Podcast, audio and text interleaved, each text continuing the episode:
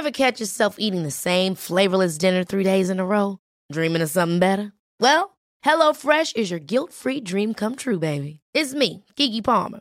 Let's wake up those taste buds with hot, juicy pecan-crusted chicken or garlic butter shrimp scampi. Mm. Hello Fresh. Stop dreaming of all the delicious possibilities and dig in at HelloFresh.com. Let's get this dinner party started.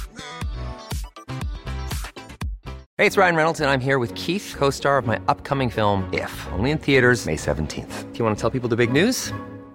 All right, I'll do it. Sign up now and you'll get unlimited for $15 a month in six months of Paramount Plus Essential Plan on us. Mintmobile.com slash switch. Upfront payment of $45 equivalent to $15 per month. Unlimited over 40 gigabytes per month. Face lower speeds. Videos at 480p. Active Mint customers by 531.24 get six months of Paramount Plus Essential Plan. Auto renews after six months. Offer ends May 31st, 2024. Separate Paramount Plus registration required. Terms and conditions apply if rated PG. Millions of people have lost weight with personalized plans from Noom. Like Evan, who can't stand salads and still lost 50 pounds. Salads, generally, for most people, are the easy button, right? For me, that wasn't an option. I never really was a salad guy. That's just not who I am. But Noom worked for me. Get your personalized plan today at Noom.com. Real Noom user compensated to provide their story. In four weeks, the typical Noom user can expect to lose one to two pounds per week. Individual results may vary.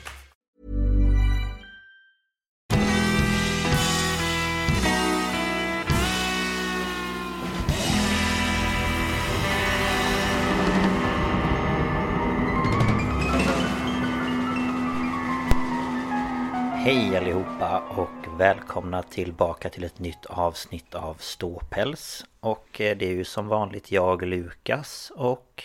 Ida! Mm. Så är det. Och eh, det här avsnittet eh, blev ju som sagt lite framskjutet. På grund av... Ja, att jag opererade bort en visdomstand. Ja. Ja, Det- jag kunde inte spela in i onsdags. Nej, eh, det blev liksom en kombination av att jag hade problem med, med, med kroppen och hade svårt att sitta och skriva och sen så kom du på att du hade tandläkartid och, Ja, precis. Så det, och det, blev lite ju, blandat. Så. det blev ju en lite akut tandläkartid också så att eh, Ja, så att jag har... Eh, ja, när bedövningen släppte i onsdags så hade jag ju ganska ont. Så jag gick och la mig åtta på kvällen och sov till tio dagen efter. Så att... ehm, ja men det hade ju ja, inte gått det- för dig att, att prata liksom. Nej, så att eh, vi fick skjuta upp det. Så idag är det måndag. Så det blir eh, lite senare. Men ja, sånt är det. Ja, precis. Ja. Hur är läget annars? Eh, jo, i övrigt så är det eh, bra ändå tycker jag. Min eh, mamma var på besök nu i helgen. Eh, vi träffas ju inte så jätteofta så att det var mysigt. Eh, umgicks och sådär. Så att nej, och det är ju varmare ute så att det känns som att våren är på ingång. Det är ju meteorologisk vår här nu, Mm, där vi bor. det är ju det. Ja. Hur är det själv då? Ja, alltså jag bråkar med mitt huvud för andra Mm. dagen i rad. Eh, det känns som jag gör det titt som tätt, men det gör jag ju. Det är mycket spänningar som går upp i huvudet på mig och ibland Mm. blir det migrän av det och lite sådär. Ehm, Ja, men, det är ju eh, så. Jag tog mig an att dammsuga min lägenhet idag och sen fick jag ont i huvudet så att Mhm. Ja, det kan ju räcka med något sånt litet om det ligger och spänner i nacke och axlar och sådär. Ja men herregud, alltså, jag, jag tittar på dammsugaren så blir jag helt genomsvettig. Nej, Men Ja. alltså det är, jag skulle kunna gå igenom vilket jävla träningspass som helst. Mm. Och tycka att det är mindre jobbigt än att dammsuga. Ja, alltså det är ju, jag tycker det är jobbigt när man ska dammsuga så här mattor och... Ja. Men eh, sen gillar jag ju det här när det blir rent så att... Ja, det är jättekul när det blir rent. Men sen när man har en katt som jag har. Jo, Som, jo, det är Alltså jag vet inte vad han gör. Men alltså det syns ju vart han går när han har varit på lådan. För det blir ju som stigar liksom. Ja, ja, ja. Och alltså det är känns som att så. ni har ju tre katter. Och det känns som att jag har minst tre fast jag bara har en. Mm. ja. Jag vet inte vad han gör din katt faktiskt. Nej, jag vet inte heller. Och jag har såna här kattsandsmattor. Och jag har en kattlåda med tak. Och alltså, jag hade katt tidigare och alltså hon, det var en bråkdel så mycket sand Mm. som hon spred runt. Men ja, jag tror inte han bryr sig. Han bara skvätter runt lite sen är han nöjd. Det, det gjorde ju hon också. Hon tog ju för fan inte ens in röven innanför kanten när hon började kissa. Så att,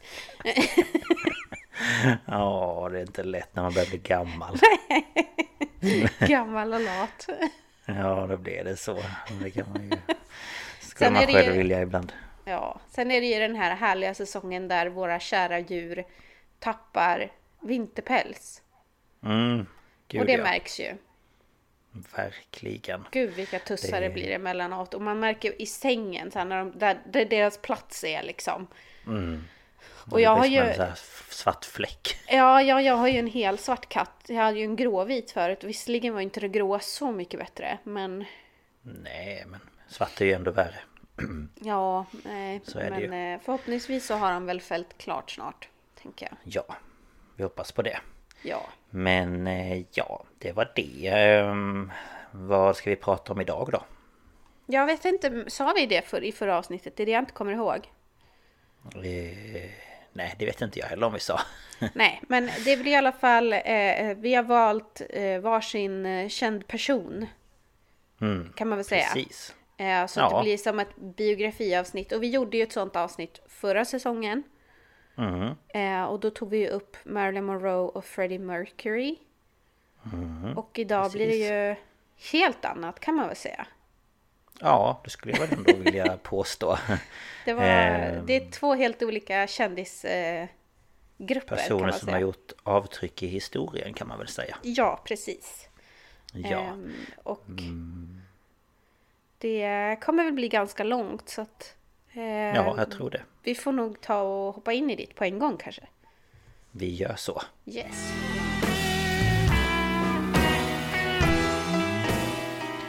Ja, det är ju som sagt jag som ska börja då va?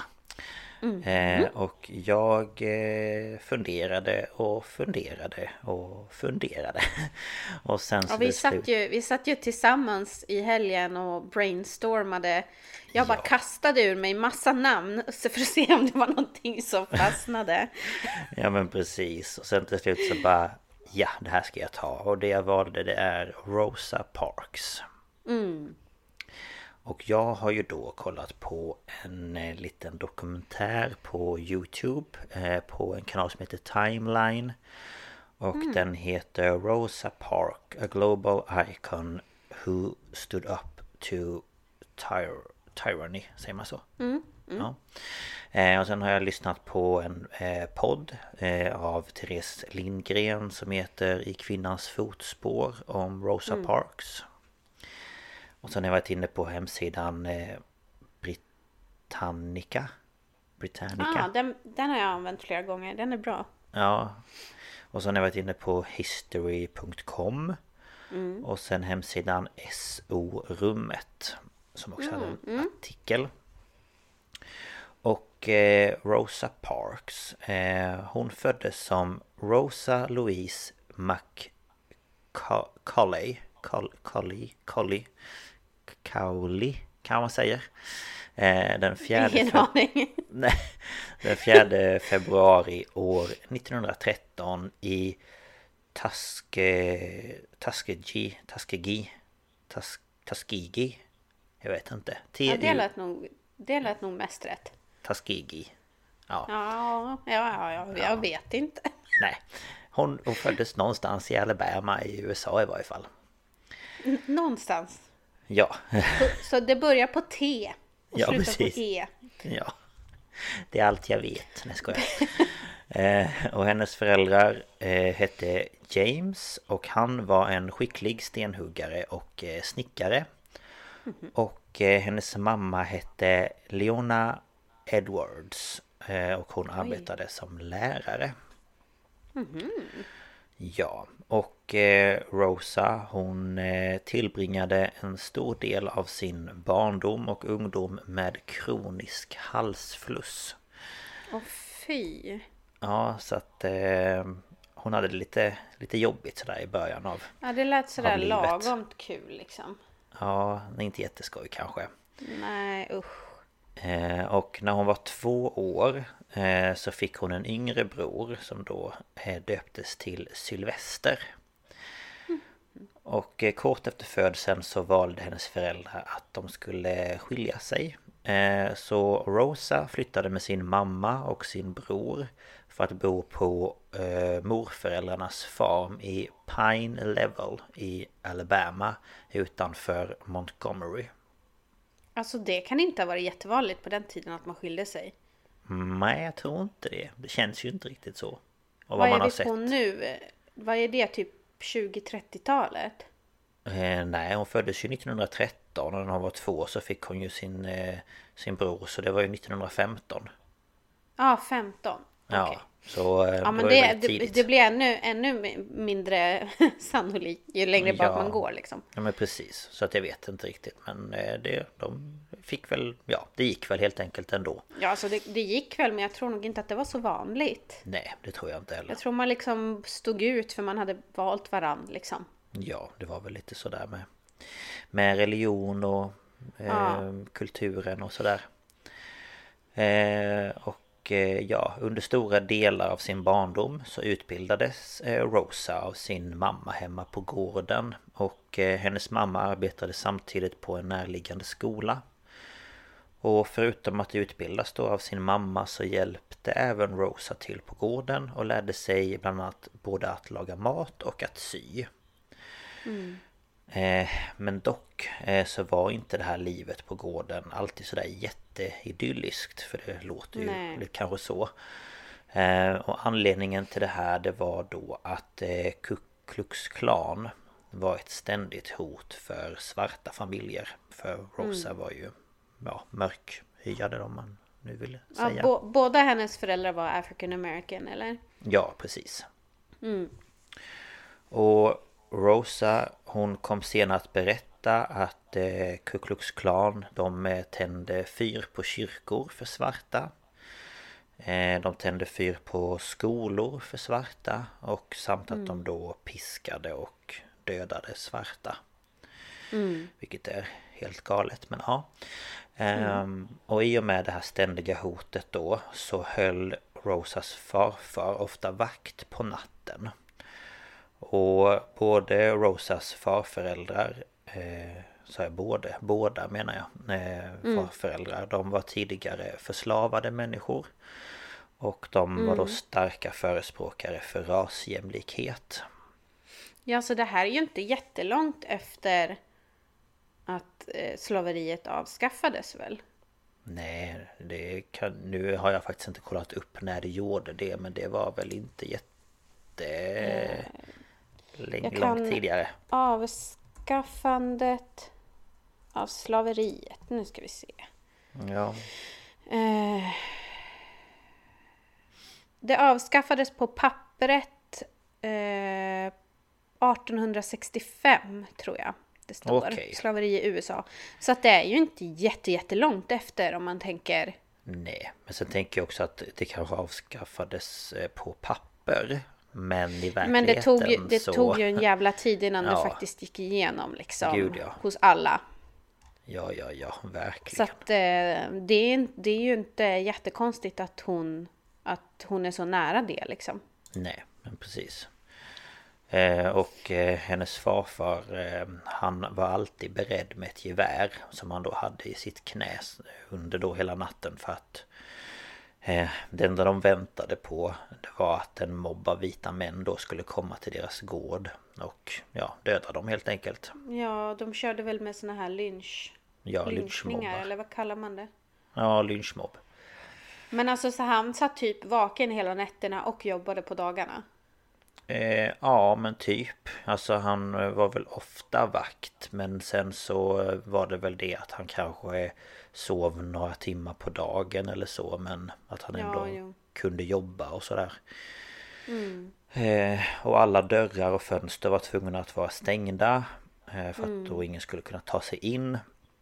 Och i huset så befann sig även eh, Rosas faster Som då några, ja ett tag då tidigare hade blivit änka. Och hon hade då eh, fem barn och alla de fick eh, sova med kläderna på Då de då skulle vara redo eh, om de behövde fly.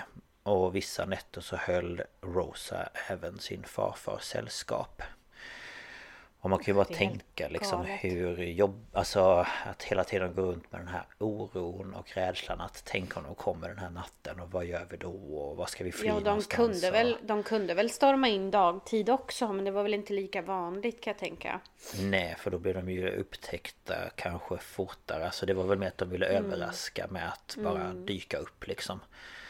Så att, eh, ja nej, det måste varit fruktansvärt att leva med den där Det är oron. ändå liksom eh, fascinerande är väl fel att säga, men att, att de ändå bodde kvar i södern. Man får väl ändå säga att Alabama är södern. För att det Ja. var ju mindre sånt där längre norrut. Ja, men, Men, det eh, var väl svårt att flytta och man skulle liksom... Jag menar nu hade de ju sin gård och de kunde väl Mm. försörja sig på det och... Eh, ja, att då starta upp ett helt nytt liv någon annanstans bara för att några idioter ska liksom inte låta dem få vara i fred. Det Nej, väl- nej, alltså jag förstår ju förstår båda, båda hållen Ja, liksom. ja. Så att, eh, ja nej, det var nog inte så lätt. Eh, Men det Nej, var ju inte gud, nej. liksom bara det här hotet då som familjen fick vara med om. Eh, Utan det var ju också det att de fick uppleva rasism på andra sätt.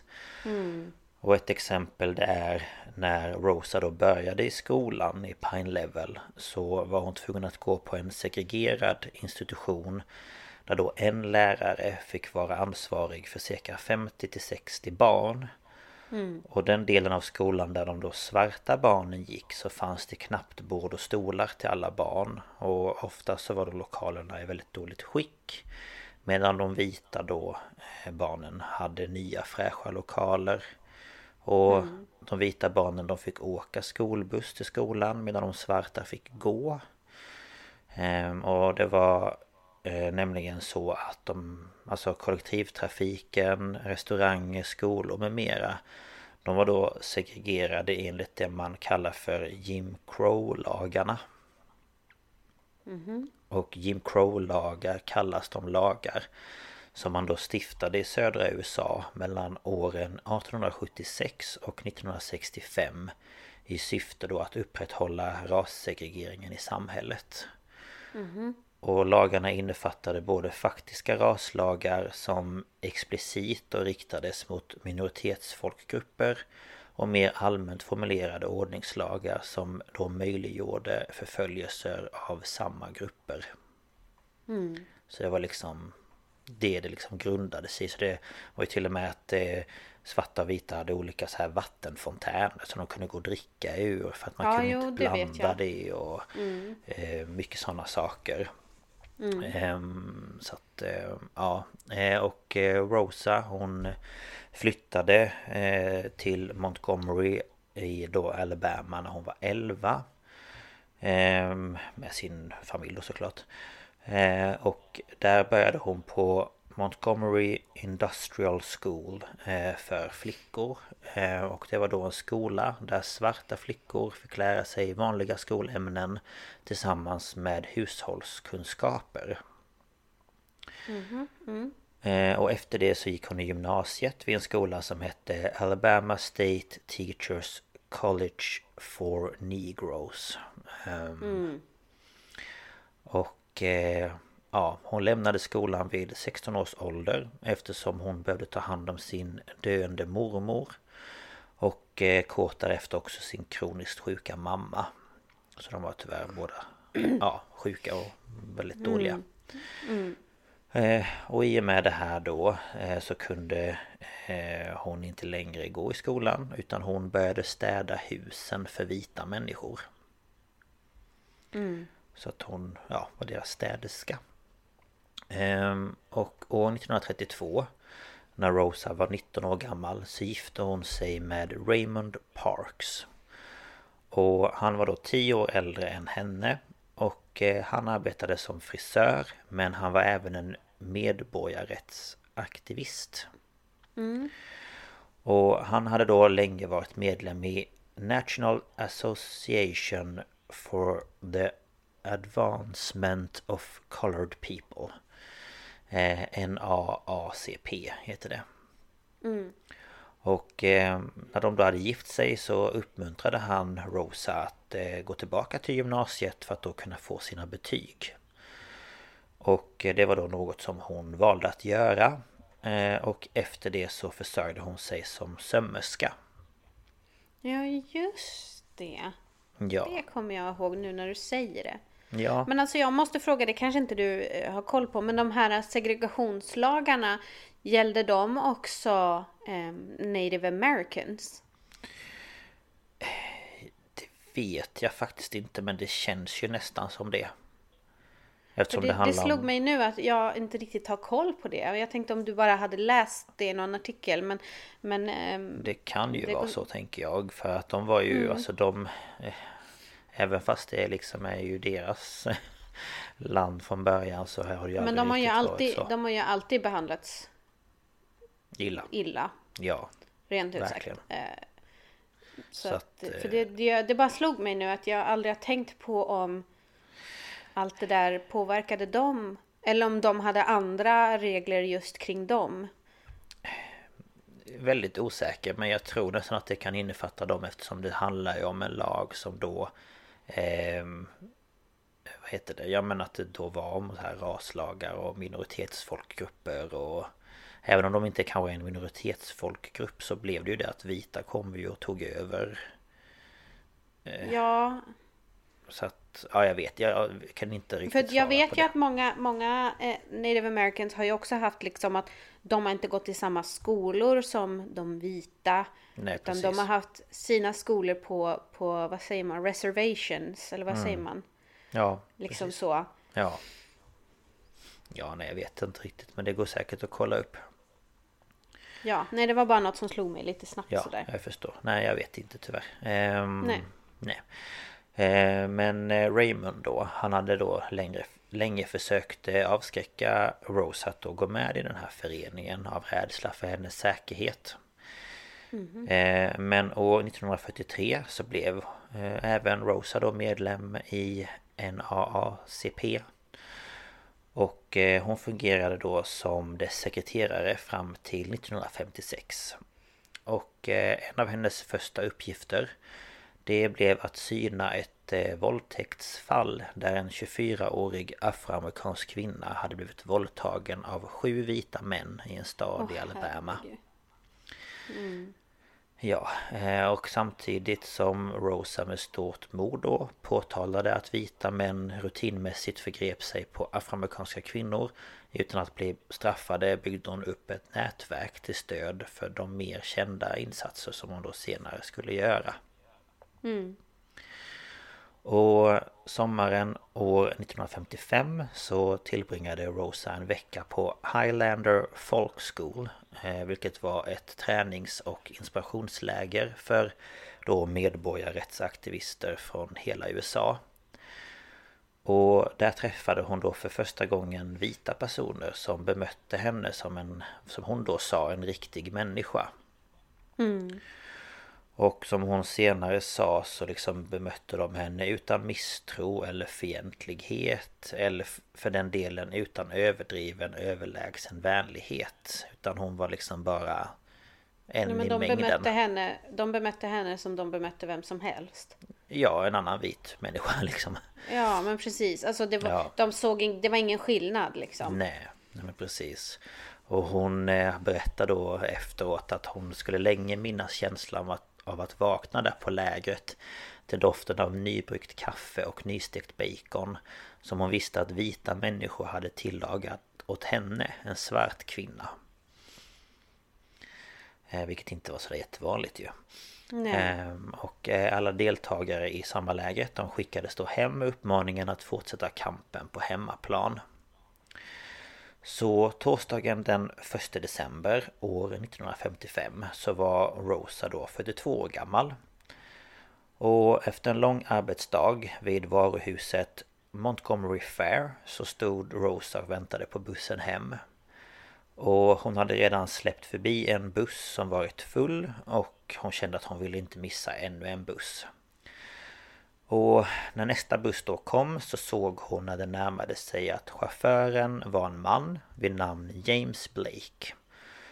Och eh, det här var då samma man som 12 år tidigare hade slängt av henne från bussen på grund av att hon inte hade gått på bak i bussen.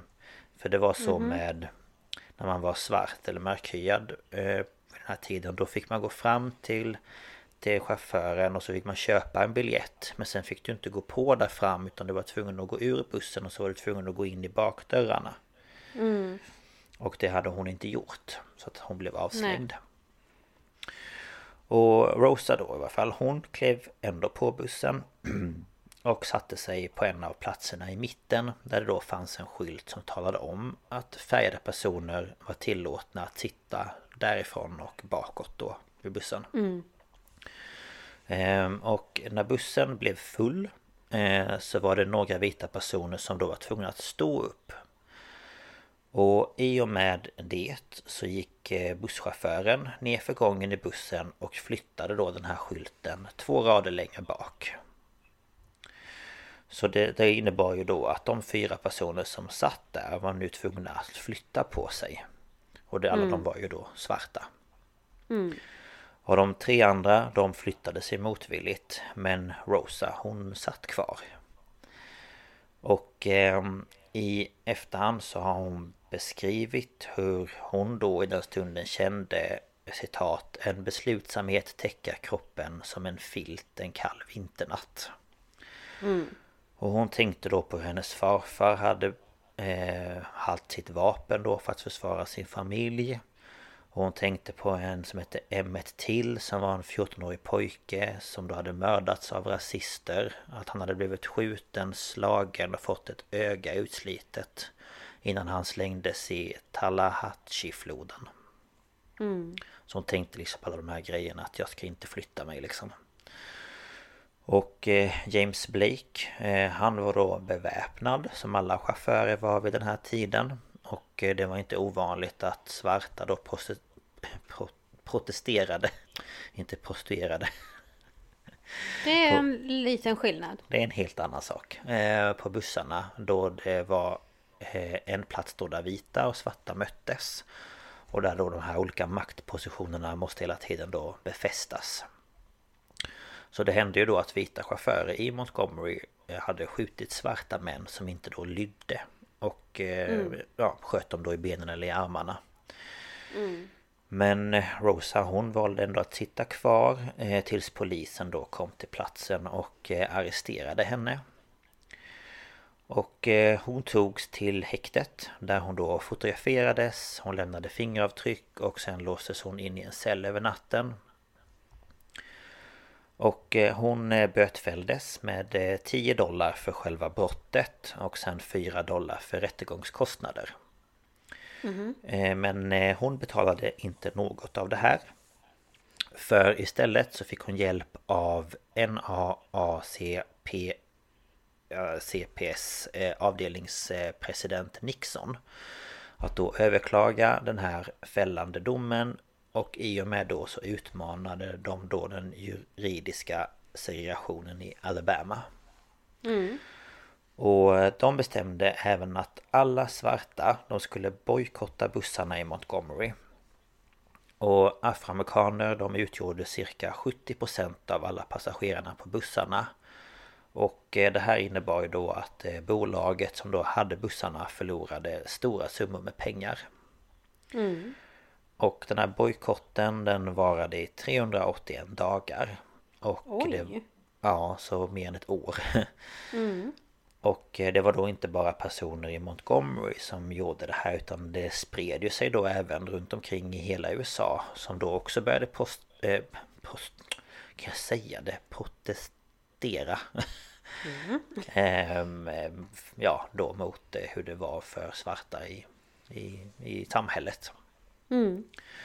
Och eh, Nixon och några andra ministrar då de bestämde sig för att bilda Montgomery Improvement Association MIA För att då hantera den här bojkotten Och eh, som president för MIA valde man pastorn Dr. Martin Luther King Jr. Jaha, oj. Ja, Endast 26 år gammal var han då Nej men herregud. Ja, så han var inte så gammal Nej, jösses. Jaha. Eh, så att eh, ja, de eh, hade sig. Och den 13 november 1956 så beslutade Högsta domstolen att bussegregationen stred mot grundlagen. Och den 20 december skickade även domstolen en skriftlig order till Montgomery att bussarna skulle vara till för alla oavsett om du var svart eller vit.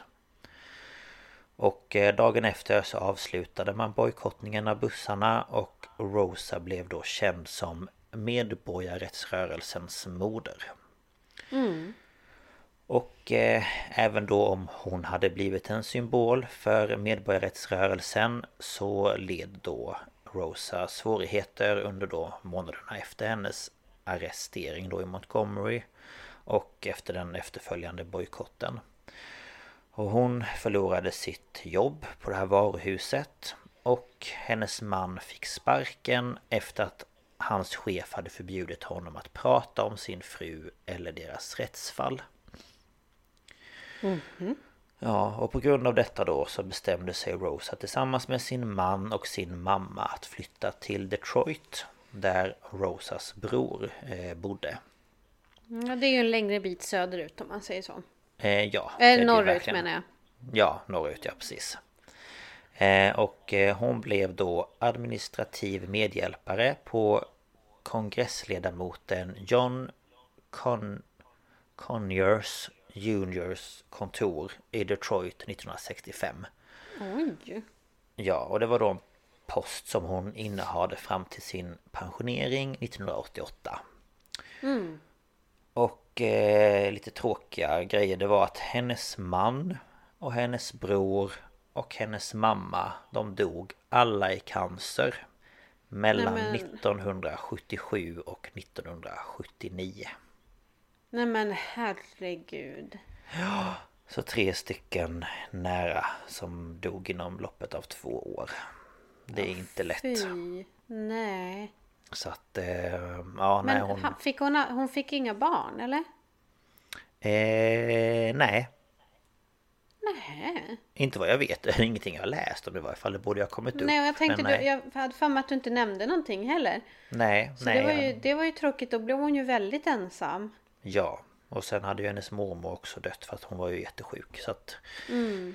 hon eh, hade ju inte sett många kvar där då eh, efter 79. Men hon, hon kanske var med om mm, brorsan hade någon familj. Ja, så kan det ju säkert ha varit. Ehm, Men år 1987, ett år innan hon gick eh, i pension, så grundade hon Rosa och Raymond Parks Institute for Self-Development. Och det grundade hon då för att hon ville ge eh, karriärträning för unga människor och erbjuda tonåringar möjligheten att lära sig om medborgarrättsrörelsens historia. Och eh, efter att hon gått i pension så reste hon runt för att ge sitt stöd i olika medborgarrättsevenemang och hon skrev även en självbiografi som heter Rosa Parks My Story. Och det är då en eh, bok som berättar om hennes liv i den segregerade södern. Och eh, 1995 så publicerade hon Quiet Strength, som då inkluderar hennes memoarer och fokuserar på den roll som eh, liksom den religiösa tron spelade under hel- hela hennes liv. Och eh, 1998 så släppte hiphopgruppen Outkast en låt som hette Rosa Parks. Och eh, den slog då upp till eh, topp 100 på Billboard-listorna året därpå. Och lå- låten innehöll refrängen eh, Aha, hush that fuss, everybody move to the back of the bus. Och eh, Rosa bestämde sig år 1999 att lämna in en stämningsansökan mot gruppen och deras då label eller vad man nu kallar det för. På grund av... Ja, tack. Jag bara label, vad är det för någonting? Satt jag när jag Ja, skrev. men ibland, ibland så är det sådana där ord. Man bara, men alltså det är ju de som producerar, de som står Ja. för vad fan. De som gör liksom musiken, vad Det är fa- fascinerande att jag kom på det sådär. Ja, verkligen. gång, men Men, det ja. tackar jag för. Ja. Eh, ja men hon gjorde det för att de då hade använt hennes namn i låten utan hennes tillåtelse. Och Outca- Outcast i sin tur menade att låten skyddades genom The First Amendment Vilket innebär bland annat The Freedom of Speech och The Freedom of the Press Och det är ju typ våran eh, Tryckfrihet, och eh, vad heter det? Eh, när man får berätta vad man vill Yttrandefrihet Ja, precis. Ja. Jag bara talfrihet. Talförmåga Nej, de två, det är typ samma sak Men eh, 2003 så avvisade en domare anklagelserna om ärekränkning Så Rosas advokat ansökte snart igen Baserat på då de falska reklampåståendena För att då ha använt hennes namn utan tillstånd Och han ansökte på en summa över 5 miljarder dollar Oh jävlar. Japp.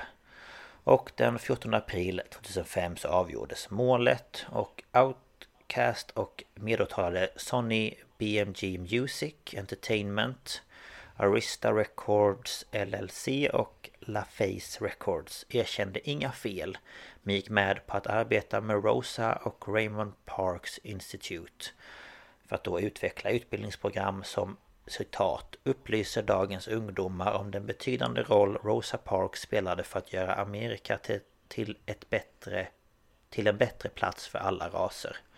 Eh, ja, slutcitat. Enligt då ett uttalande som man släppte då.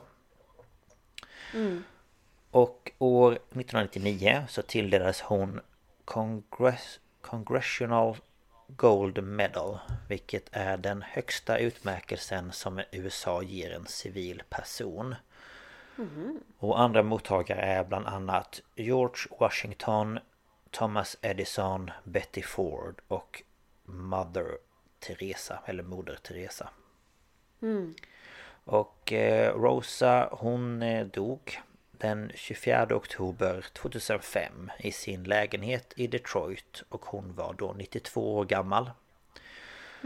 Och hon hade föregående år diagnostiserats med progressiv demens som hon då hade lidit av eh, sedan åtminstone 2002. Och hon blev även den första kvinna som hedrades genom att ligga på Lit de Parade i Kapitolium i Washington DC. Alltså i det här stora runda rummet mitt i alltihopa. Och under två dagar så besökte ungefär 50 000 personer hennes kista och tackade för hennes engagemang för medborgerliga rättigheter. Och efter det då begravdes hon mellan sin man och sin mamma på Detroits Woodland Cemetery i kapellets mausoleum. Och kort efter hennes död så döptes kapellet om till Rosa L. Parks Freedom Chapel. Mm. Så det var det.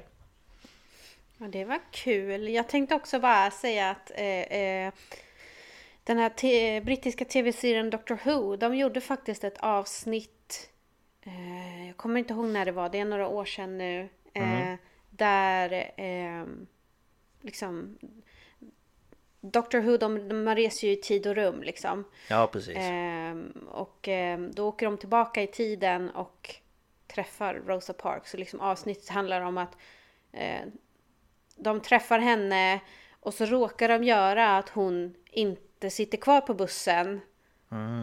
Eller något sånt där. Jag, jag kommer inte riktigt ihåg. Men, Nej. men det, det handlar om henne i alla fall. Alltså, de kommer tillbaka i tiden och liksom... Spännande. Rosa Parks, the Rosa Parks. Hon bara, eh, va? Vem då? Vem är jag? Så, så det, det görs ju en del i populärkulturen. Ja. Ja, nej men det... Hon har ju verkligen gjort ett avtryck i, i den liksom historien och... Ja, alltså raser vi lär oss ju inte jättemycket om, om hela den där processen eh, som hände där i USA. Men Rosa Parks känner ju alla Ja. till. Just det här med att hon inte flyttade sig på bussen. Alltså Mm. det vet vi var någon slags vändningspunkt liksom. Precis. Så att, eh, ja nej hon... eh, Ja, en riktig eh, kämpe måste man ju ändå säga. För att det har Ja, ju gud. Bidragit till... Ja, nu ska jag ju inte säga att det har blivit bra, men det har ju blivit bättre. Ja, gud. Alltså, Så att, jag vet inte om det någonsin kommer bli 100% bra, tyvärr. Nej, jag tror tyvärr inte Men heller det. eh, förbättringar kommer väl.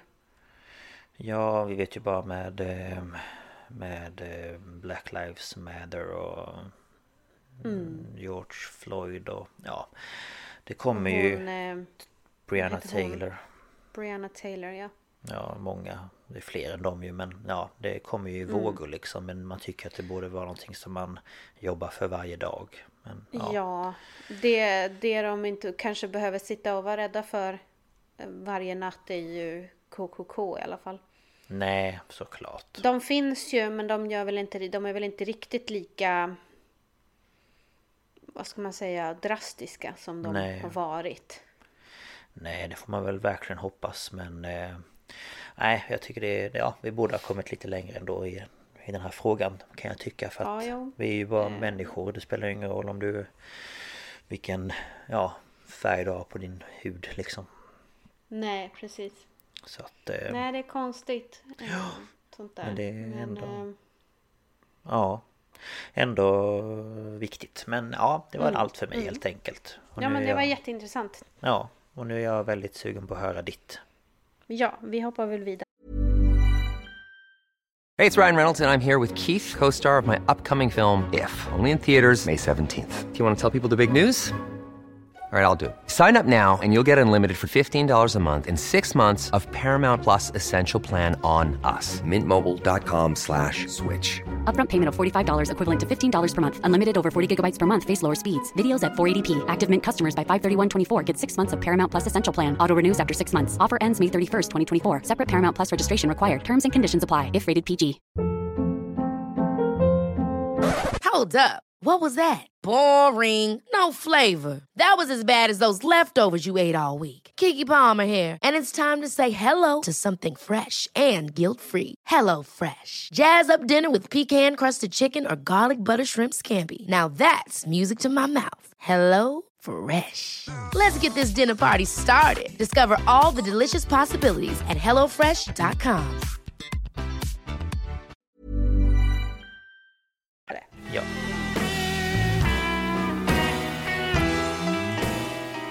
Eh, ja, alltså som sagt, eh, jämfört med förra avsnittet så har vi ju valt personer av en helt annan grupp.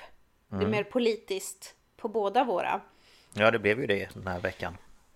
Eh, för att, eh, jag, jag frågade mina föräldrar, för det var så här, åh vi ska ta en känd person. Och det finns ju så många, men hjärnan bara fryser ju. Ja, ja. Så jag skickade sms till min mamma och pappa och sa är det någon ni vill höra någonting om? Och då önskade min pappa Folke Bernadotte. Så jag tog det. mamma Spännande. kom med ett jättebra förslag men som jag kände inte passar nu så det kommer komma senare i säsongen. Ja, så det får ni vänta på. Ja. Eh, mina källor är Wikipedia där jag kollar upp eh, precis allt möjligt. Ja, Eh, och sen är det en sida som heter fba.se och det är Folke Bernadotte. Shit, vad var det den hette nu då? Hur är det man öppnar CTRL-klicka? Jag, jag kommer inte ihåg vad A1 står för. hur öppnar jag Eh. en hemsida på datan?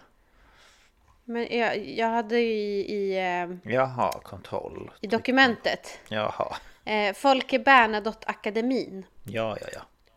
Jag kommer inte ihåg vad A1 stod för. Nej, det är inte så lätt att komma ihåg. Och sen har jag varit inne på Folke Bernadottes minnesfond.se Expressen.se, populärhistoria.se, kulturellaspår.se, stockholmkonst.se och sist men inte minst så har jag lyssnat på P3 Dokumentär från 20 oktober 2013 och det avsnittet hette Folke Bernadotte och de vita bussarna. Så, nu, nu Nu. börjar vi hörni. Nu kör vi. Håll er för fan, nu händer det grejer. Nej. Folke Bernadotte av Visborg föddes den 2 januari 1895 i Stockholm. Hans föräldrar var prins Oscar Bernadotte och Ebba Munk av Fulk, Fulkila, eller Fulkila. Jag vet inte hur man säger det. Eh, han, hans pappa ehm, miste sin svenska prinstitel och arvsrätten till kronan på grund av eh, hans giftermål med Ebba för att hon var inte kunglig. Och då blev man av med det. det så är det ju inte längre. Nej. Ehm, men storhertigen av Luxemburg, drottning Sofias bror, gav Oscar en ny prinstitel och hans arvingar blev då grevar av Visborg. Så han fick en, en prinstitel av, från, eh, i Luxemburg då istället. Ah, Okej. Eh, och Bernadotte känner ju alla säkert igen. Det är ju våran kungafamilj som heter Bernadotte. Och Folke var kusin med Gustav VI Adolf, vilket är våran nuvarande Karl XVI Gustavs farfar. Mhm, Okej. Eh, och Folke var också gudfar till Karl XVI Gustav och han har också namnet Folke som mellannamn. Alltså jag är, måste bara säga innan du fortsätter Jag är så dålig när det kommer till kungafamiljen och Vilka kungar vi har haft och vilka vi... Ja, nej Ja, men eh, han var alltså kusin med våran kungs farfar kan man Ja, säga. okej Då För att göra det med. enkelt. Och han var våran kungs gudfar. Då vet Så jag att de var ändå ganska... Han var ju nära familjen. Ja. Eh, och, och jag har för mig att prins Oscar också heter Folke. Men jag är inte säker. Det kan du inte fråga mig Nej, jag vet. Eh, det ska jag fråga din fru. Nej, ja, Gör det Nej men eh, det är i alla fall ett namn som följer med familjen nu.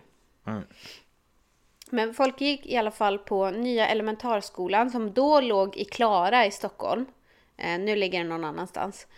Eh, och han tog studenten därifrån 1913 och sen gick han en kavalleriofficersutbildning och tog officersexamen 1915. Ooh. Och eh, efter det här, år 1918, blev han löjtnant vid Livregementets dragoner och 1913 gick han vidare och blev ryttmästare vid Livregementet till häst och sen gick han över till reserven 1932 på grund av ett svårt magsår. Eh, och han hade nära kontakt med sin farbror Gustav V. Ehm, och eh, han bjöd 1928 folket till Rivieran. Oj, Oj då oj, oj, oj. Fint ska det vara Och där blev han presenterad för en vacker amerikanska som hette Estelle Manville. Och eh, hon tillhörde då en av USAs rikaste familjer. Ja, vad hemskt Och eh, hon var i... ehm, eh, ifrån Pleasantville i delstaten New York. Och eh, det gick fort. Eh, för första december 1928 så gifte de sig i Esko, Episkopalkyrkan i Saint, eh, som då hette St. John's i Pleasantville i New York. Och eh, på bröllopet så hade hon på sig en svensk brudkrona i platina och med bergkristaller. Och hon hade också drottning Sofias brudslöja. Okej Eh, och prins Gustav Adolf var best man och prins Sigvard var marskalk. Och det var över 1500 gäster och Oj det var... Det här är stort. Det här är ju... eh, En, en eh, icke-kunglig tjej. Och hon är amerikan. Och liksom, det här var ju stort för amerikanerna för det här är första gången som en medlem, medlem av en europeisk kungafamilj gifter sig i USA. ah. Ja, då blir det lite speciellt Ja, precis. Och eh, amerikanska journalister frågade eh, Folke om det var sant efter, att han hade friat efter bara 14 dagars bekantskap. Och då svarar han, och det här är ett citat. Den som vill ha Förenta Staternas bästa flicka måste vara rask i vändningarna. Ja Ja Så att... Eh, 14 dagar, det är inte dåligt känner man att det är rätt så känner man att det är rätt. Vet du. Ja, ja, gud ja, så är det Efter sitt giftermål i USA så bosatte sig grevparet på Dragongården på Djurgården i Stockholm. Och de fick fyra söner. Det var Gustav Edvard, Folke, Fredrik, Fredrik Oskar och Bertil Oskar. Eh, och Folke hade också ett barn sedan tidigare med en revystjärna som hette Lilly Kristina Eriksson. Och det var en dotter vid namn, eh, och jag vet inte hur de säger men Jean, alltså Jean. ja, Juan, Juan, Juan. Nej, jag vet Jag inte. vet inte hur man säger det. Eh, men i alla fall då, efter hans militära karriär som då tog slut på grund av det här magsåret så, fort, eh, så fortsatte han sitt värv inom hovet. Och det första större officiella uppdraget så var som generalkommissarie i den svenska bestyrelsen vid världsutställningen i New York 1939. Och eh, i samband med den här utställningen så blev han utsedd till juris hedersdoktor vid Uppsala University i East Orange, New Jersey. Och så är det Uppsala universitet i... Uppsa, Uppsala University i East Orange, New Jersey. Jaha, okej. Så det är Uppsala med ett P. Jaha, då är jag med. Jag var också tvungen, jag bara med Uppsala universitet i... Ja, jaha. Ja, nej, för jag tänkte också bara Uppsala. Ja, jag har inte pluggat i New Jersey. Nej, jag trodde bara vi hade samarbete med Gotland. Ja. ja, nej, det här är ett eh, universitet eh, uppkallat då efter Okej. Uppsala universitet. Ja, ja. Det är ju liksom i de här mm, norra, nordöstra delarna av USA som mycket svensk byar och sånt där finns. Såklart. Ehm, men i alla fall. Ja. Ehm, 1934 så utsågs han tillfälligt, eh, eh, han utsågs som tillfällig chef för hovstaten för prins Gustav Adolf, hertigen av Västerbotten. Och där stannade han till 1940. Och 1941 så blev han då, det var under då beredskapsåren, så blev han major. Och eh, han var en framgångsrik tävlingsryttare. Och han blev ledamot för ridsportsorganisationens styrelser och i likhet med prins Gustav Adolf var han engagerad i scoutrörelsen och det är ju våran nuvarande kung också. Ja, just ja. Och han efterträdde Ebbe Liberat som chef för Sveriges scoutförbund i november 1937. Och där var han ordförande tills han övertog prins Gustav Adolfs ordförandeklubba för Svenska Scout- Scoutunionen 1947. Ehm, 1940 så utgav han Pojkar och scouting och för sina insatser inom scoutrörelsen förlänades han 1941 Silvervargen. Oj då. Han var också ordförande i Simfjäm... Simfjämjam... Vad sa du att han var? ordförande i Simfrämjandet. Sim. Främjandet. Jaha, ja. Simfjämjanja. Det blev väldigt... eh, Det blev en röra. Eh, han var också ordförande i Stockholms stads frivilliga skarpskytteförening och skytteförbundens överstyrelse. Och 1943 blev han vice ordförande för Svenska Röda Korset. Eh, och eh, ordföranden som då var prins Karl, eh, Folkes farbror, var då 82. Så i praktiken så tog han ju över hans jobb. Men det var inte förrän 46 som han blev ordförande. Nej, okej. Men nu kommer vi till det som jag tror att Folke Bernadotte är mest känd för. Det är typ det enda jag känner till kring honom så här spontant. Alltså jag har ju lite svårt att skilja på dem. Jag är så här, vilken var det som var formgivare? Vilken var det som körde rally? Du vet sådär. Eh, Jag vet ju, Sigvard är väl han som var formgivare men jag kommer inte ihåg vem det var som körde rally. Nej, det vet jag inte heller. Nej. Nej. Men Tyvärr. oj, nu slog jag till mikrofonen. Jaha. Eh, men det här är ju det han mest känd för och det är ju de vita bussarna. Eh, och jag har kommit fram till under liksom min, mina eftersökningar här att det råder delade meningar om hela den här expeditionen. Ehm, men jag ska försöka att hålla mig neutral. Och jag har skrivit i mitt dokument No pun intended. Ja. För Sverige var ju, Sverige var ju neutralt under andra världskriget. Men ja. Ha, ha, ha. Ehm, ha, ha, ha. Jag borde bli ståuppare ja. Jaha du. Står där på... Nej men alltså jag, va? Står där på Raw Comedy Club. Vad det heter. Ja eller på vad är det, Big Ben eller vad de heter. Ja. Där skulle passa bra. Eh, Men jag, jag, jag, jag tar fakta och så får man ta ställning till det här själv. Ja, okej.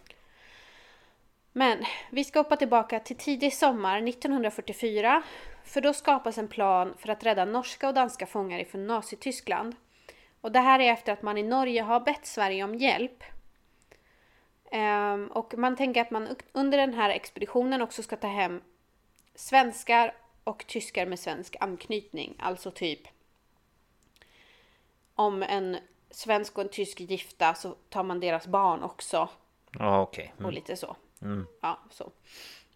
Eh, beslutet om det här tas av regeringen och utrikesdepartementet. Och eftersom Sverige varken kan eller vill gå in med militär, för vi var ju neutrala. Mm, just ja.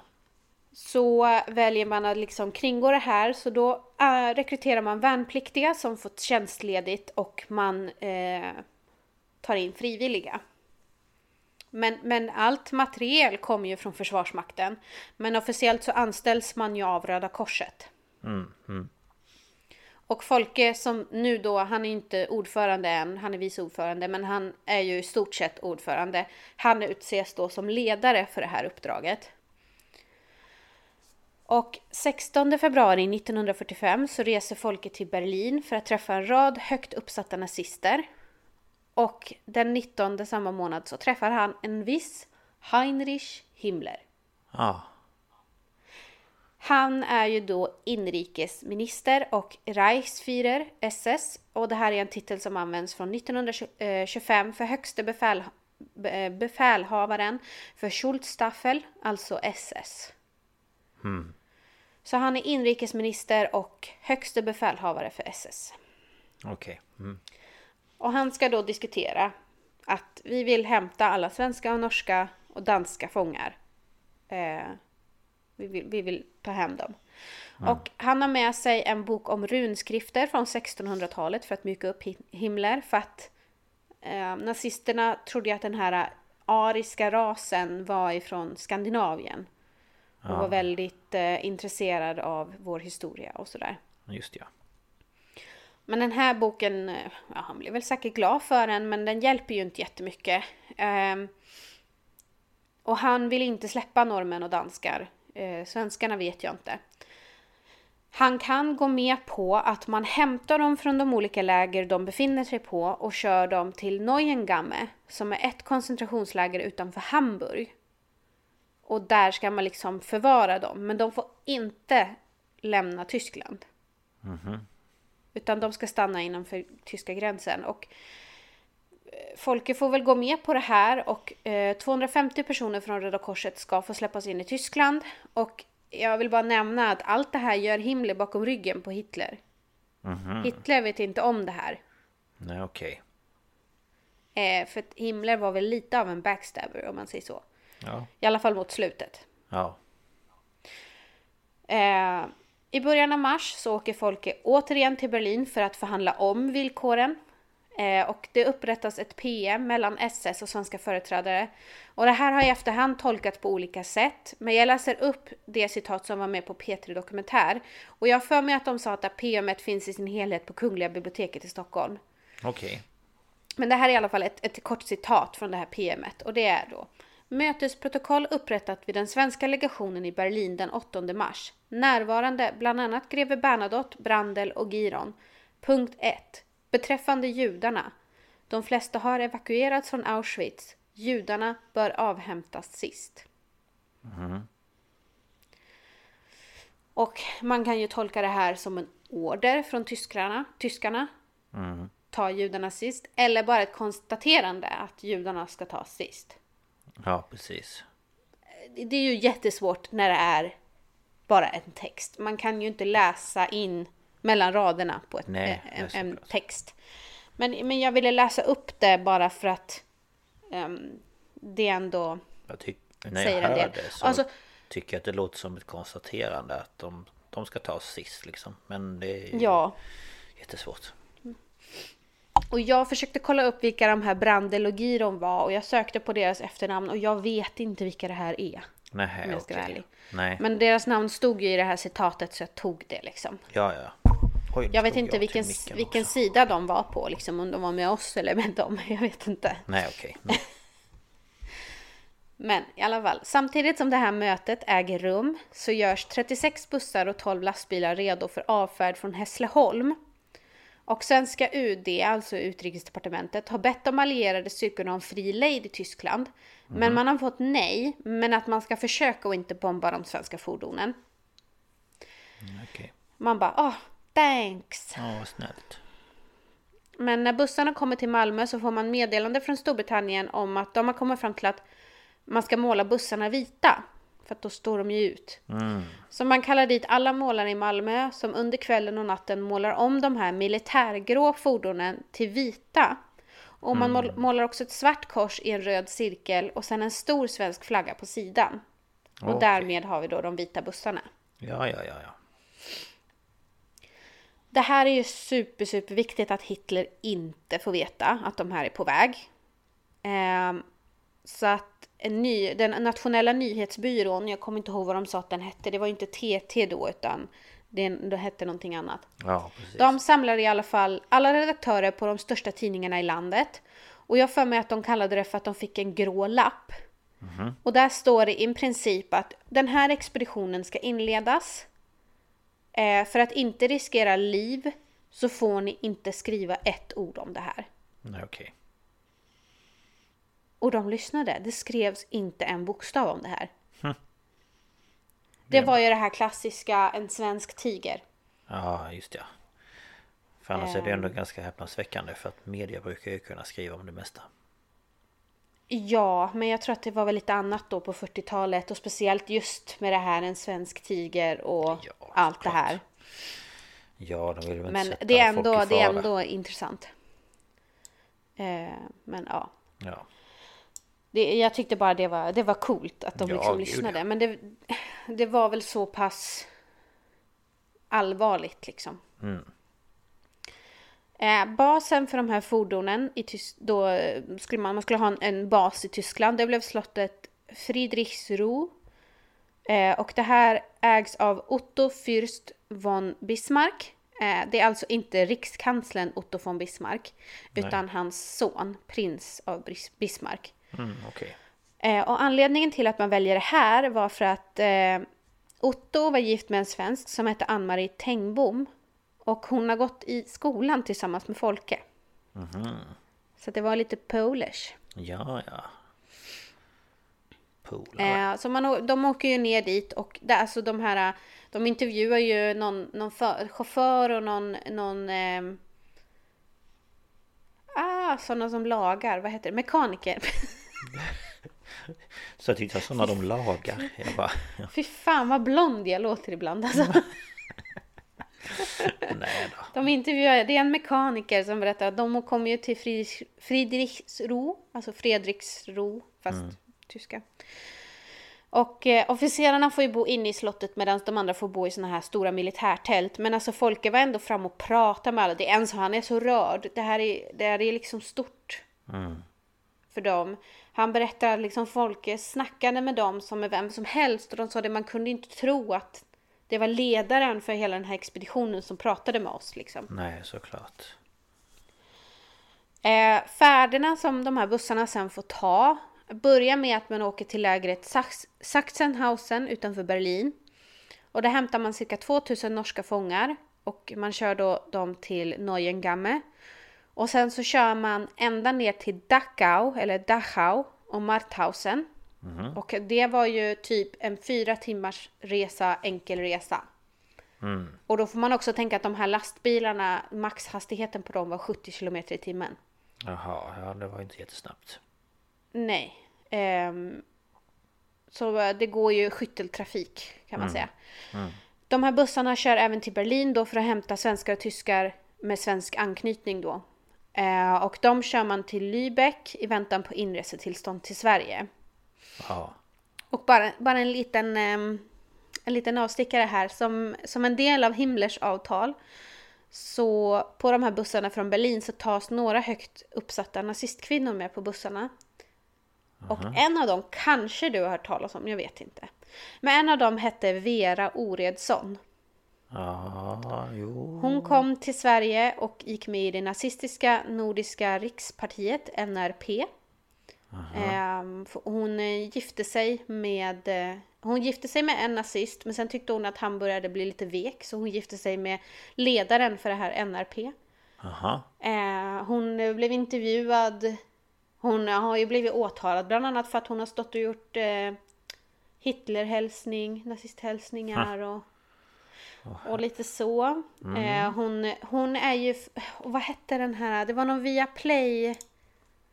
Eh, jag ska kolla om jag hittar den lite snabbt. Vilken eh, dokumentärserie hon var med i. Okej. Alltså som att hon... Det var ju någon... Eh, Någon som spelade omgiven henne. av fiender. Jaha. På Viaplay. Omgiven av fiender. Där är hon med. Okej. Eh, och man får liksom träffa henne och följa henne. Alltså den riktiga. Eh, ja, det är hon. Ja, ja, ja. Jag tänkte det var någon som spelade Eh. henne. Nej, nej, nej, det här är hon. Okej. The real thing.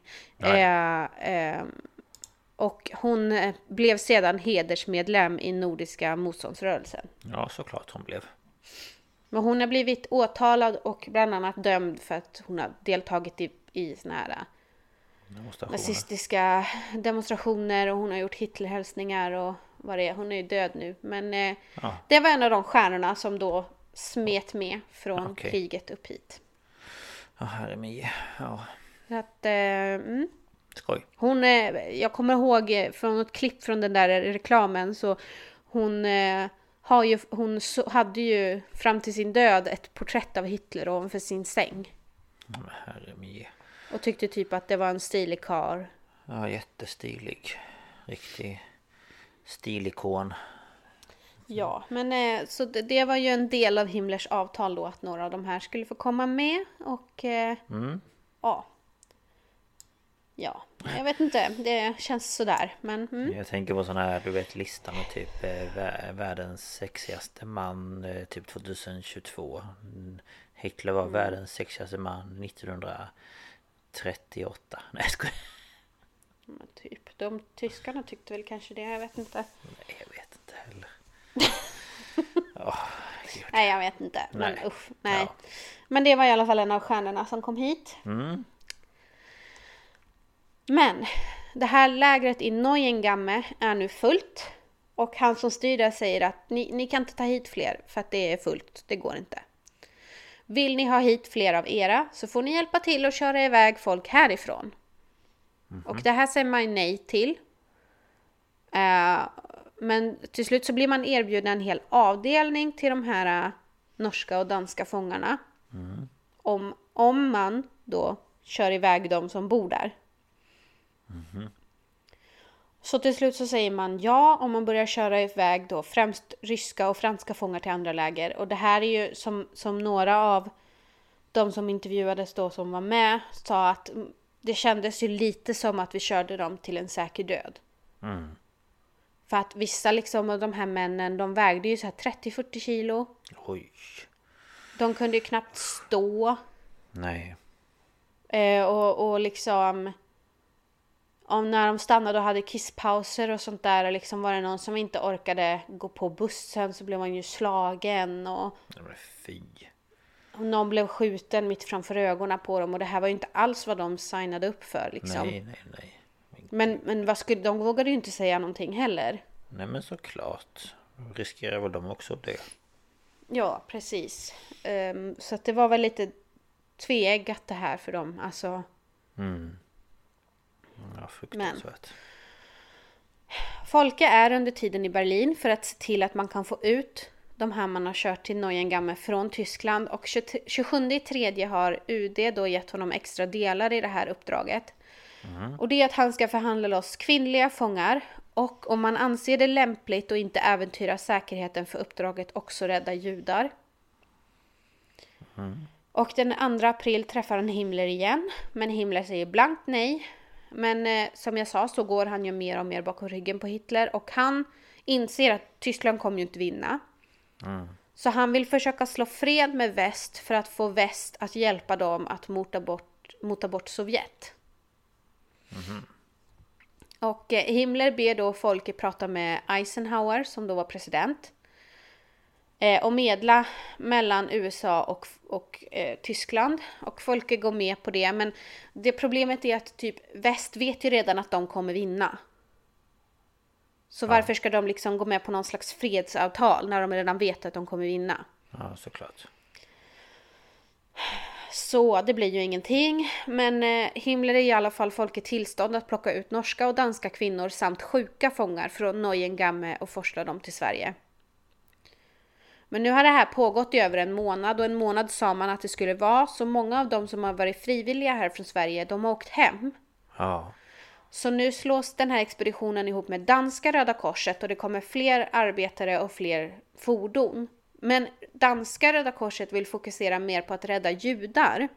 Så nu räddas över 400 danska judar från Theresienstadt.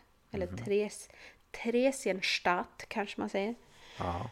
Eh, och de tas inte till Neuengamme utan de körs direkt till Danmark.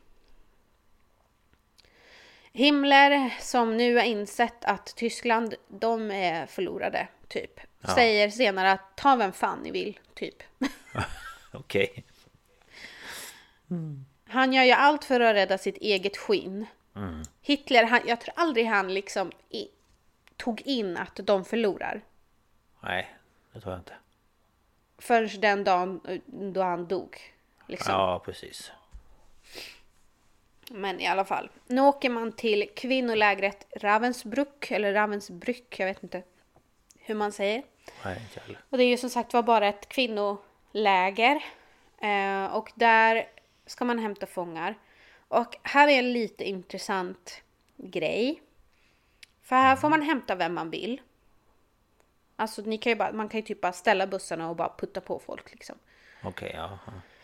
Men trots det här så väljer man att först ta fransyskor, belgiskor och holländskor. Samt att de får veta att det finns brittiskor och amerikanskor på lägret som har räddat 22 av dem. Och det är först senare som man släpper på polska bland annat och andra nationaliteter. Jaha, okej. Så trots att man får hämta precis vem man vill, ni kan bara lasta på, så väljer man ändå att sortera. Såklart man gör det. Ja, jag, vet, jag, vet- alltså jag, jag vet ju inte hur deras resonemang var, så jag försöker inte lägga någon värdering i det, men för mig ligger det ju en värdering i bara det faktum att man gjorde så. Ja men såklart. Alltså jag menar annars skulle de ju bara valt fritt men det gjorde de ju inte. För att Ja, men annars så... skulle de ju bara lassat på liksom. Ja, det är för att de är så in... Eh, vad ska man säga? In... Indoktrinerade i Ja. det där. Att det ska vara... Antagligen. Ja. Antagligen.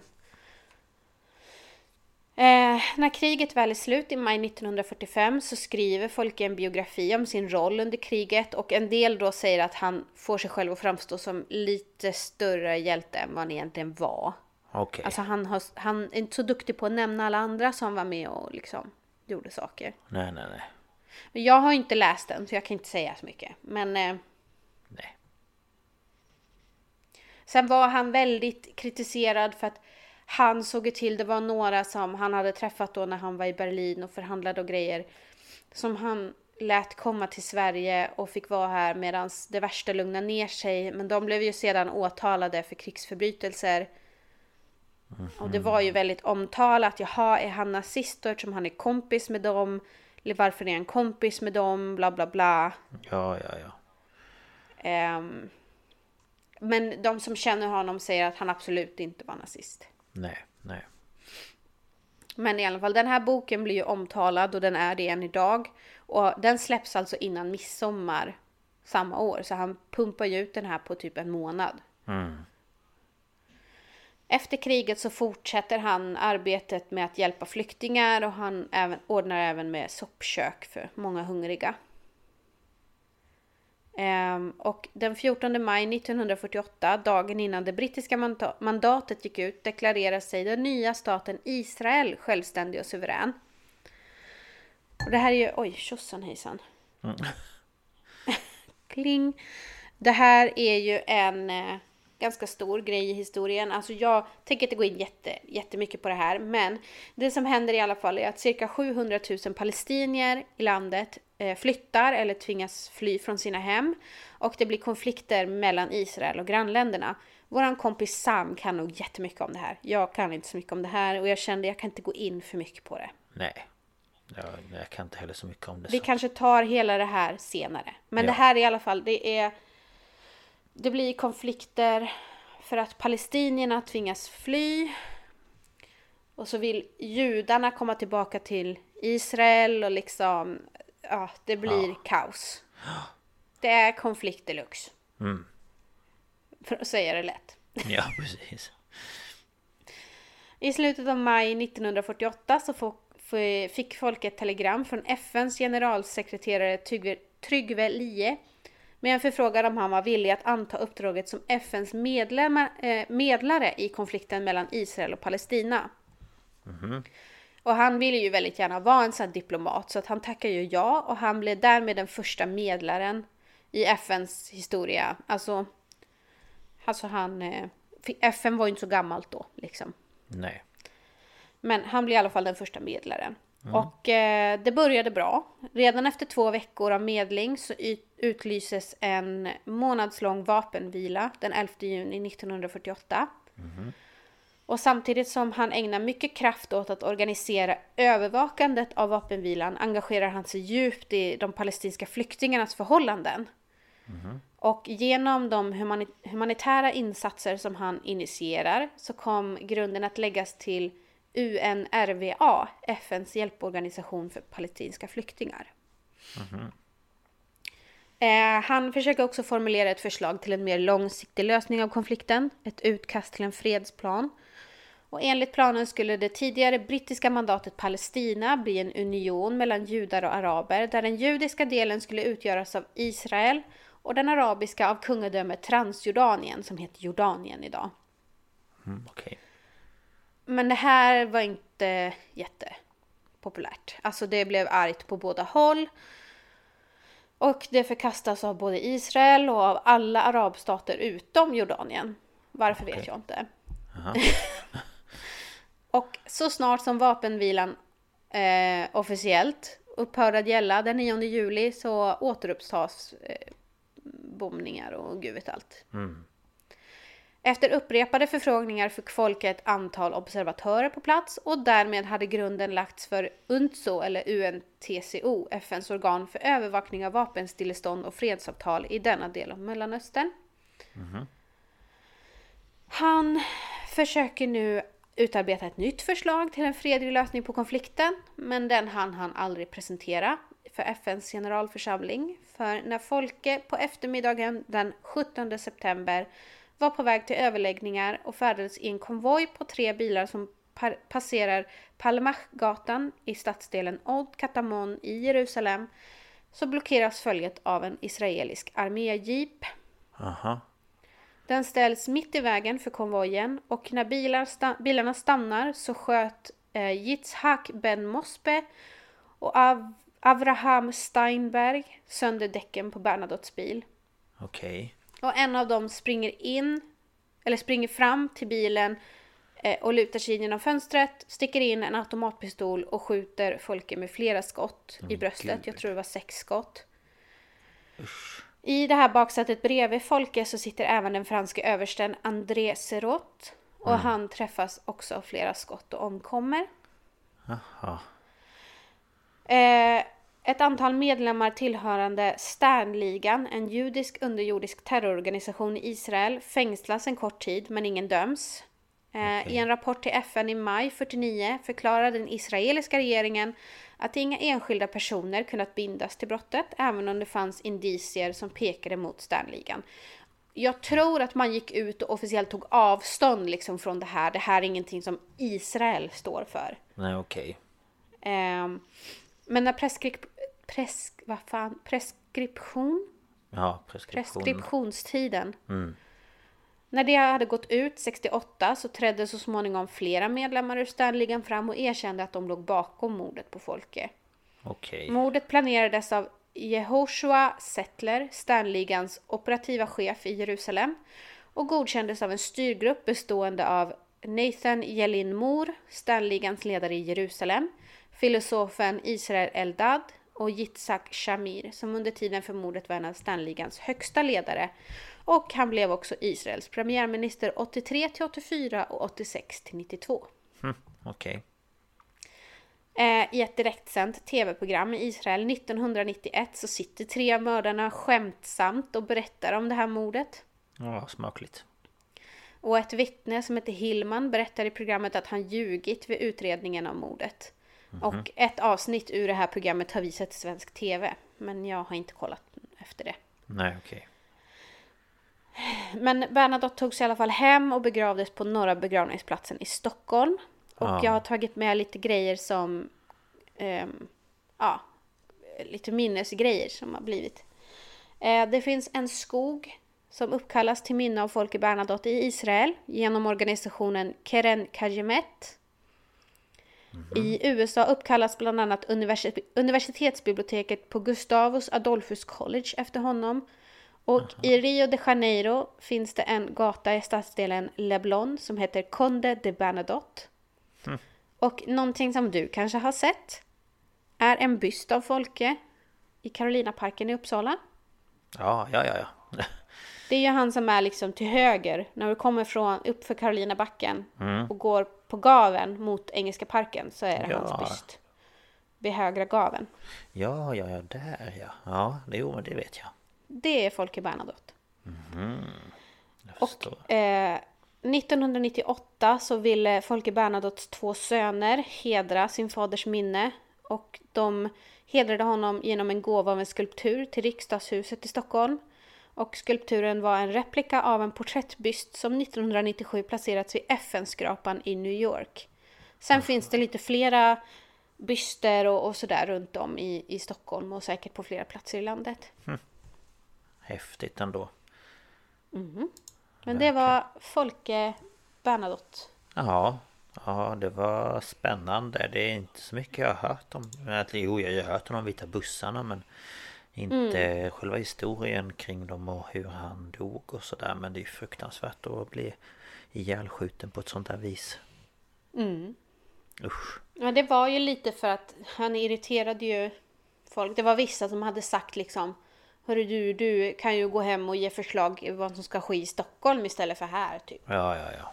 De tyckte inte han skulle komma där och styra och ställa. Jag vet inte, han, han kanske var lite framfusig när han... Ja, kanske. Men eh, man förtjänar ju inte det ändå. Nej, precis. Och det jag tänkte säga. Att det förtjänar man ju inte ändå. Nej. Men eh, nej, men det var spännande tycker jag. Det är alltid intressant med eh, andra världskriget och grejer. Ja, du tycker det, du tycker det är extremt intressant.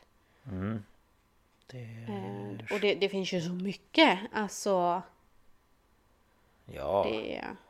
det är några Nu har år. jag bara tagit, tagit upp den här lilla puttedelen som bara utspelade sig liksom de två, tre sista månaderna av kriget. Mm.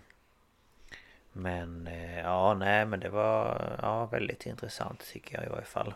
Så det tackar jag Vad för. bra. Får vi tacka min pappa för förslaget. Tack så Ja, mycket. eh, ja, tack tack.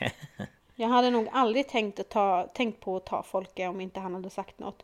nej men det är ju ingen sån som man tänker kanske Det är inte den första som ploppar upp i huvudet på en. Nej, precis. Nej.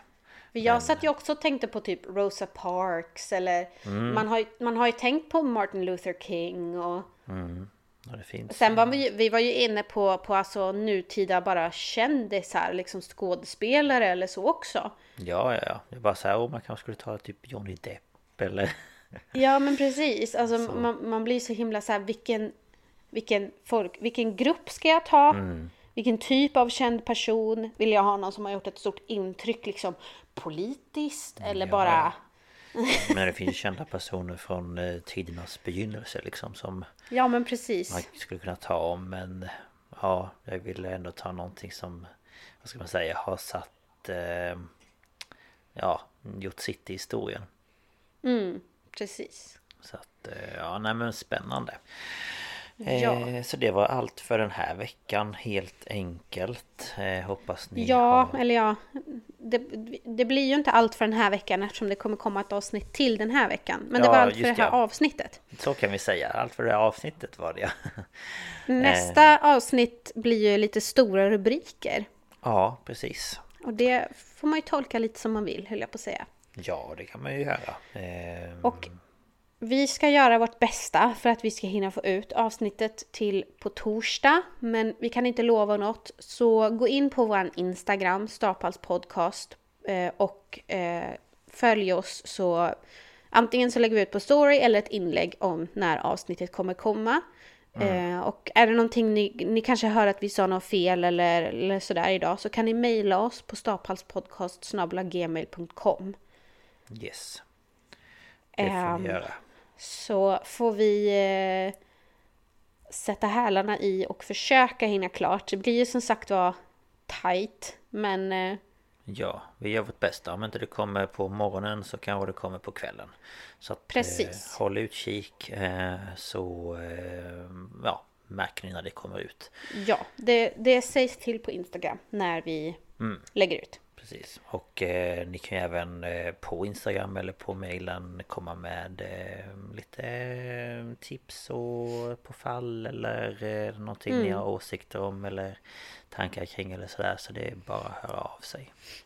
Och liksom, det finns ju områden som inte vi kan så mycket om, som till exempel den här Israel-konflikten eller andra världskriget i stort. Det Ja. finns ju folk som har väldigt djupa kunskaper om det och vi tar ju bara lätt. Men är det någonting ni vill bidra med som ni liksom känner att vi missade som var viktigt så eh, är det också helt okej att säga till om. Ja, ja, ja. Det är bara av, av sig så tar vi upp det i nästa avsnitt. Yes, men eh, ja, tack för att ni har lyssnat. Ehm, Ja. Och eh, ha det så bra så hörs vi igen i nästa avsnitt. Det gör vi. Ja, Hej då! Hej då!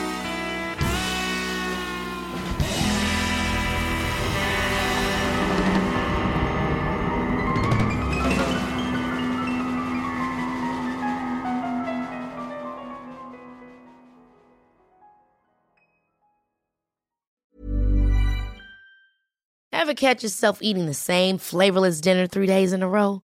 Dreaming of something better? Well, HelloFresh is your guilt-free dream come true, baby. It's me, Kiki Palmer. Let's wake up those taste buds with hot, juicy pecan-crusted chicken or garlic butter shrimp scampi. Mm. Hello Fresh. Stop dreaming of all the delicious possibilities and dig in at HelloFresh.com. Let's get this dinner party started.